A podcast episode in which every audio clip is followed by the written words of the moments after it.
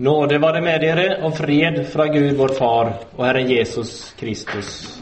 La oss alla be. Tack Herre Jesus för att du gick lidandets och lydnadens väg ända till korset. Tack Herre för att du gick i vårt ställe Tack att du vann en fullkomlig seger också över den onde fienden. Tack att du bar våra synder. Tack att du öppnade vägen in i det himmelska riket. Vi ber dig Herre att du med din, med din heliga Ande öppnar våra hjärtan, öppnar våra sinnen så att du får komma in, du som känner oss var och en så att du får dra oss närmare till dig. Så att vi var och en lever med dig och har dig som vår frälsare, vår broder och vän. I ditt eget heliga namn. Amen.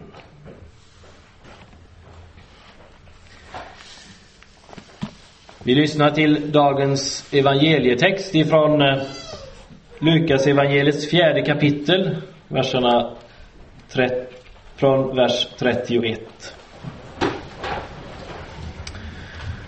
Han kom ner till Kapernaum, en stad i Galileen, och undervisade folket på sabbaten. De var överväldigade av hans undervisning eftersom hans ord hade makt.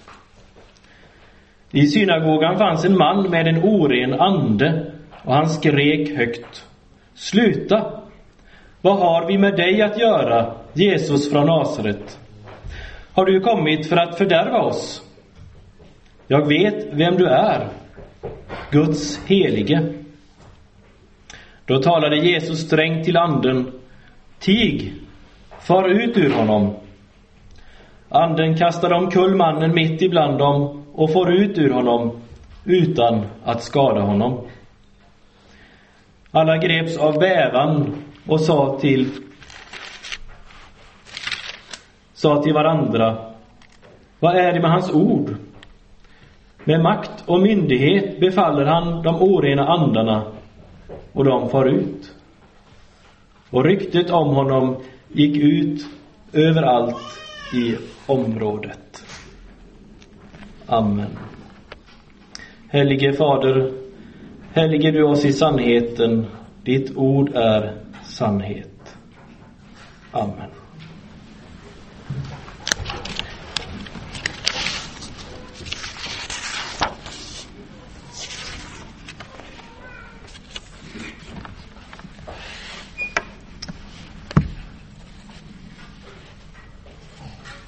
Vi är en bit in i fastetiden och vi följer Jesus på hans vandring, hans lidandesvandring upp till Jerusalem och till Golgata kors.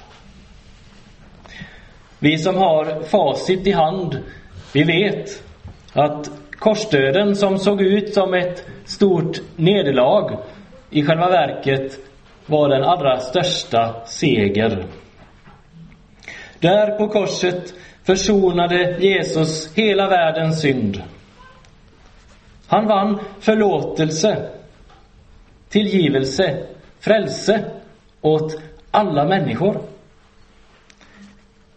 Han utplånade enligt Kolosserbrevet det skuldebrev som med sina krav vittnade emot oss. Och han besegrade den onde djävulen och alla onda andemakter. Han avväpnade härskarna och makterna och gjorde dem till allmänt åtlöje när han triumferade över dem på korset. Och den seger och den förlatelse, den fick vi del av i dåpen, skriver aposteln. När vi läser i eh, Uppenbaringen, det femte kapitlet, så ser vi vad som skedde i himlen när efter att Jesus segrat på korset Jesus står som det slaktade lammet inför tronen i himlen. Och så får han ta emot bokrullen ur handen på honom som sitter på tronen. Han fick bokrullen för han var värdig. För han har vunnit seger. Och så fick han med bokrullen all makt. Den som hade bokrullen, har bokrullen i sin hand, har all makt. Och makten över allt i framtiden.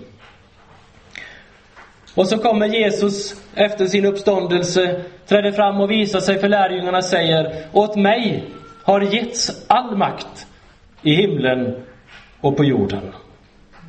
Gå därför ut.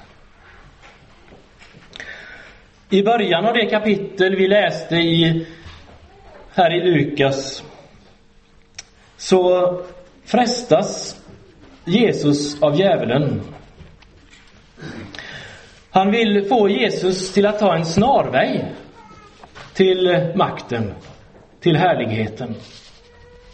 Det står i Lukas 4 och 5. Då tog djävulen med honom högt upp och visade honom för ett ögonblick världens alla riken. Och djävulen sa Dig ska jag ge all denna makt och deras härlighet, för den är överlämnad åt mig och jag ger den till vem jag vill. Så om du tillber mig blir allt ditt. På olika sätt försökte djävulen få makten över Jesus. Få honom att lämna vägen som skulle sluta med att han själv blev besegrad. Och särskilt farlig var han när han kom igenom aposteln Peter och sa att nej, det är inte alls så att du ska drabbas av detta. Att du ska lida och dö. Och så vet vi att Jesus sa till Peter, gå bak mig, Satan. Han tänkte människotankar och inte Guds tankar. Jesus visste nämligen att enda möjligheten för, att, för honom att komma tillbaka till härligheten hos Gud och enda möjligheten att ge oss förlåtelse och evigt liv, det var att han gick korsets väg helt till slutet. Därför befaller också Jesus i vår text den onda anden att tiga när han säger att du är Guds helige. Han ville inte att han skulle sprida ut sanningen att han var Messias. Han sa ju, jag vet vem du är. Ja, de onda andarna visste vem Jesus är. Men Jesus tillät inte denna sanning komma ut innan tiden var inne. Och vi ser det i slutet av samma kapitel efter att Jesus har botat Peters svärmor. Så står det att vid solnedgången kom många till Jesus med sina sjuka. Han botade sjuka, drev ut onda andar och de ropade du är Guds son. Jesus talade strängt till dem och förbjöd dem att tala eftersom de visste att han var Messias. Jesus ville inte att folket skulle se honom som en jordisk Messias, en jordisk kung. Därför ville han avslöja sin sanna sin identitet i rätt tid. Han ville inte att de skulle se honom som en Messias som skulle besegra romarriket. Utan han skulle få vara deras Messias som tog deras synd och gick till Golgata och öppnade himlen för dem. Men den onda anden hade rätt. Jesus hade kommit för att ödelägga dem, för att fördärva dem. Han hade kommit för att besegra dem och djävulen själv, alla onda makter och bära bort vår synd. Sedan blev han ju också dömd för att han sa sig vara Messias, som översteprästerna sa.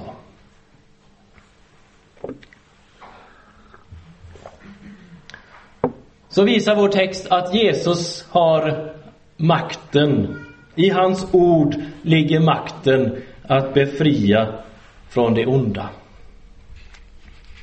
Vi eh, läser strax innan att eh, Jesus var i Nasaret, där han läste ifrån profeten Jesaja, där det står bland annat att han ska utropa frihet för de fångna. Denne mannen var bunden av en ond ande. Vi kan vara bundna på olika sätt och djävulen vill binda oss. Får han, får han oss bara bort ifrån Jesus så spelar det ingen roll för honom hur han lyckas. Det är det som är hans mål. Och vi ska veta att det pågår en strid i andevärlden. En strid i himlarymderna. Och det är du och jag som står i centrum. Det står i en psalm att två väldiga strider om människans själ att helt i sin lydnad den taga. Djävulen han besegrades av Jesus på Golgata. Men han får sin slutgiltiga dom först på den yttersta dagen när han kastas i eldsjön. Nu är han fortfarande verksam. Det pågår en strid.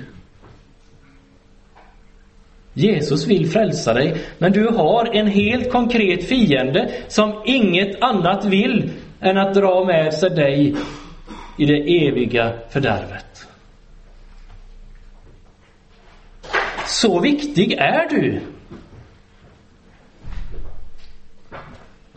Så att Jesus, han har gett allt för att du ska få komma hem. Och så har du en fiende som är alltigenom ond som vill ha bort dig från Jesus. Ja, vad är det då som kan binda oss? Ja, det kan vara olika saker. Det kan ju vara konkreta synder.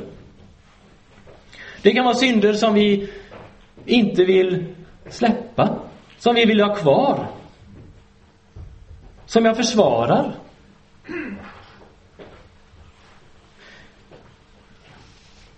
Aposteln Jakob skriver att den som håller hela lagen, hela loven, men bryter mot ett enda bud är skyldig till allt. Det innebär alltså att om jag försvarar, om det bara är en synd i mitt liv som jag försvarar, som jag inte vill överge. Jag tänker, nej det är inte så farligt, det kan jag väl hålla på med. Då ställer jag mig utanför Guds nåd och är skyldig till allt.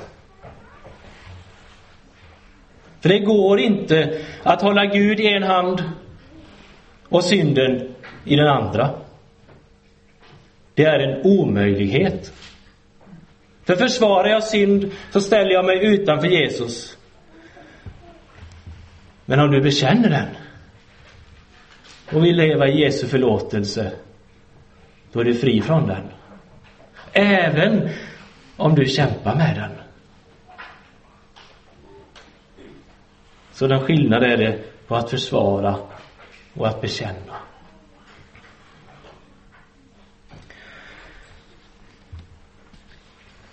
Sedan säger Jesus i Matteus 6 om sådant som kan binda oss. Matteus 6 och 19. Samla er inte skatter på jorden där möll och rust förstör och tjuvar bryter sig in och stjäl. Samla er skatter i himlen där varken möll eller rust förstör och där inga tjuvar bryter sig in och stjäl. För där din skatt är, där kommer också ditt hjärta att vara. Där din skatt är, där kommer ditt hjärta att vara. Så kan skatten vara olika för olika människor, det som riskerar att binda. För någon kan det vara att man söker ära av människor. Att hjärtat är så fäst vid att bli, och fokuserat på att bli ärad av människor. Och det är en frestelse som kan vara stor för oss alla och inte mindre för oss predikanter.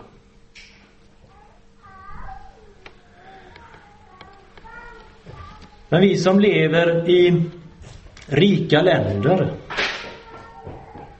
med stort välstånd. Vi har så oerhört lätt för att fästa våra hjärtan vid det jordiska. Nej, nu måste det inte vara fel att vara rik. Det brukar påpekas att även Abraham, trons fader, var rik. Men den stora frågan är, hur förvaltar vi vår rikedom och vad är vårt hjärta fäst vid? Vad är i själva verket min Gud? Är det mitt hus? Är det min bil? Eller båten? Eller hytta? Eller är det någon teknik? Eller är det alla de här olika resorna jag gör? Eller är det någon konkret människa? Ja, uppräkningen kan göras lång på sådant som vi kan bindas av. Men hur är det ställt med hjärtat? Har det blivit hårt och egoistiskt så att det är bara jag själv och mitt eget som står i centrum? Finns det utrymme för Gud och för medmänniskan? En fråga jag kan ställa mig själv är Kan jag se människor lida nöd utan att reagera trots att jag själv har mer än jag behöver? Och en annan fråga kan jag se människor i miljontals gå mot evigheten utan att känna sin enda frälsare, Jesus Kristus. Trots att jag själv sitter inne med både tid och pengar som kan vara till hjälp för att missionärer ska kunna sändas, för att biblar ska kunna tryckas och delas ut, för att kristen litteratur ska kunna spridas och så vidare. Allt det jordiska jag har ska en gång förgås. Och ingenting kan jag ta med mig när jag dör. Vi kan vara helt säkra på att när vi lämnar denna världen ska vi inte ta med oss någonting till andra sidan. Så behöver vi vara vaksamma vara medvetna om att vi har en fiende som vill binda oss. Kan han binda oss vid det världsliga, det jordiska, så är han nöjd hur det än går till. Så att vi slipper, så att vi inte når himmelen. Men du som eh, vill ha Jesus som din frälsare, du som genom dåpen har blivit Guds barn. Du har ju fått en rikedom som är av ett helt annat slag. En rikedom som ingen kan ta ifrån dig. Som är i tryggt förvar. Där inga tjuvar kan bryta sig in och stjäla den. Peter skriver i sitt första brev, första kapitlet. Välsignad är vår Herre Jesu Kristi Gud och Far i sin stora barmhärtighet har han genom Jesu Kristi uppståndelse från de döda fött oss på nytt till ett levande hopp, till ett arv som aldrig kan förstöras fläckas eller vissna och som förvaras åt er i himlen. Med Guds makt bevaras ni genom tron fram till den frälsning som är redo att uppenbaras i den sista tiden. Det arv, den rikedom som Guds barn redan nu äger är i tryggt förvar i himlen. Det finns ingenting som kan förstöra den. Ingen som kan stjäla den. Den är förvarad hos Gud. Men tänk så tragiskt om jag blir bunden av det jordiska, det världsliga som ska ta slut och förgå och gå miste om det eviga som aldrig tar slut. Du låter väl inte det ske med dig? Men hur ska det då gå med mig? Jag som är så svag, som så lätt lockas och dras och binds. Hur ska jag som så lätt faller i synder kunna bli bevarad och frälst? Lade ni märke till vad Petrus skrev? Med Guds makt bevaras ni. Med Guds makt, inte i egen makt. Inte genom din egen kraft, inte genom dina egna förutsättningar, utan genom Jesu ord och hans makt. Jesus säger, himmel och jord ska förgås, men mina ord ska aldrig förgås. Och det ordet säger, det kommer också att ske. Och därför när ordet säger till dig, dina synder är dig förlåtna, så är de förlåtna. De är borta, de finns inte mer. Även om ditt hjärta säger det motsatta. För vad är sant? Och vilket ord är det som ska bestå? Dina egna eller Jesu? Jo, Jesu ord kan inte ljuga och det kan inte förgås. Du får bara lita på det och tro det. Så har Jesu ord makt att föra dig från mörkret till ljuset, ifrån Satans bindande till friheten i Guds rike. Och det kommer du, när du har, håller dig till Jesus, att få erfara en dag. När allt annat förgås, så är det Jesu ord som ljuder. Jesu ord som kallar dig upp ur graven, eller om du lever ännu när han kommer, som kallar dig in i det eviga riket, till friheten. Så är det en stor nåd när det sker som Paulus talar om i episteltexten, att Herren hade gett honom en törntagg i köttet, i ködet. Vi vet inte vad det var. Det kan se olika ut för oss. Något som plågar oss, som påminner oss om, men som driver oss till nåden. Som gör att vi ser, vi måste ha Guds nåd, vi måste leva i nåden.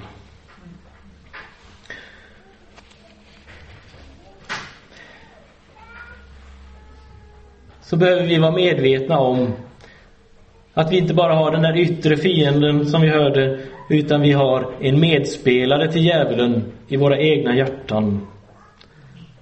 En medspelare som inte vill det goda, utan som vill det onda.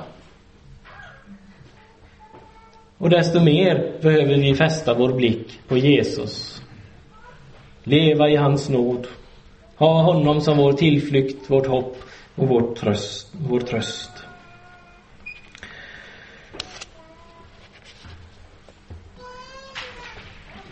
Och så kan du få höra den anfäktande rösten, den onde säger att du som är sådan, att du har sådan kärlek till det jordiska.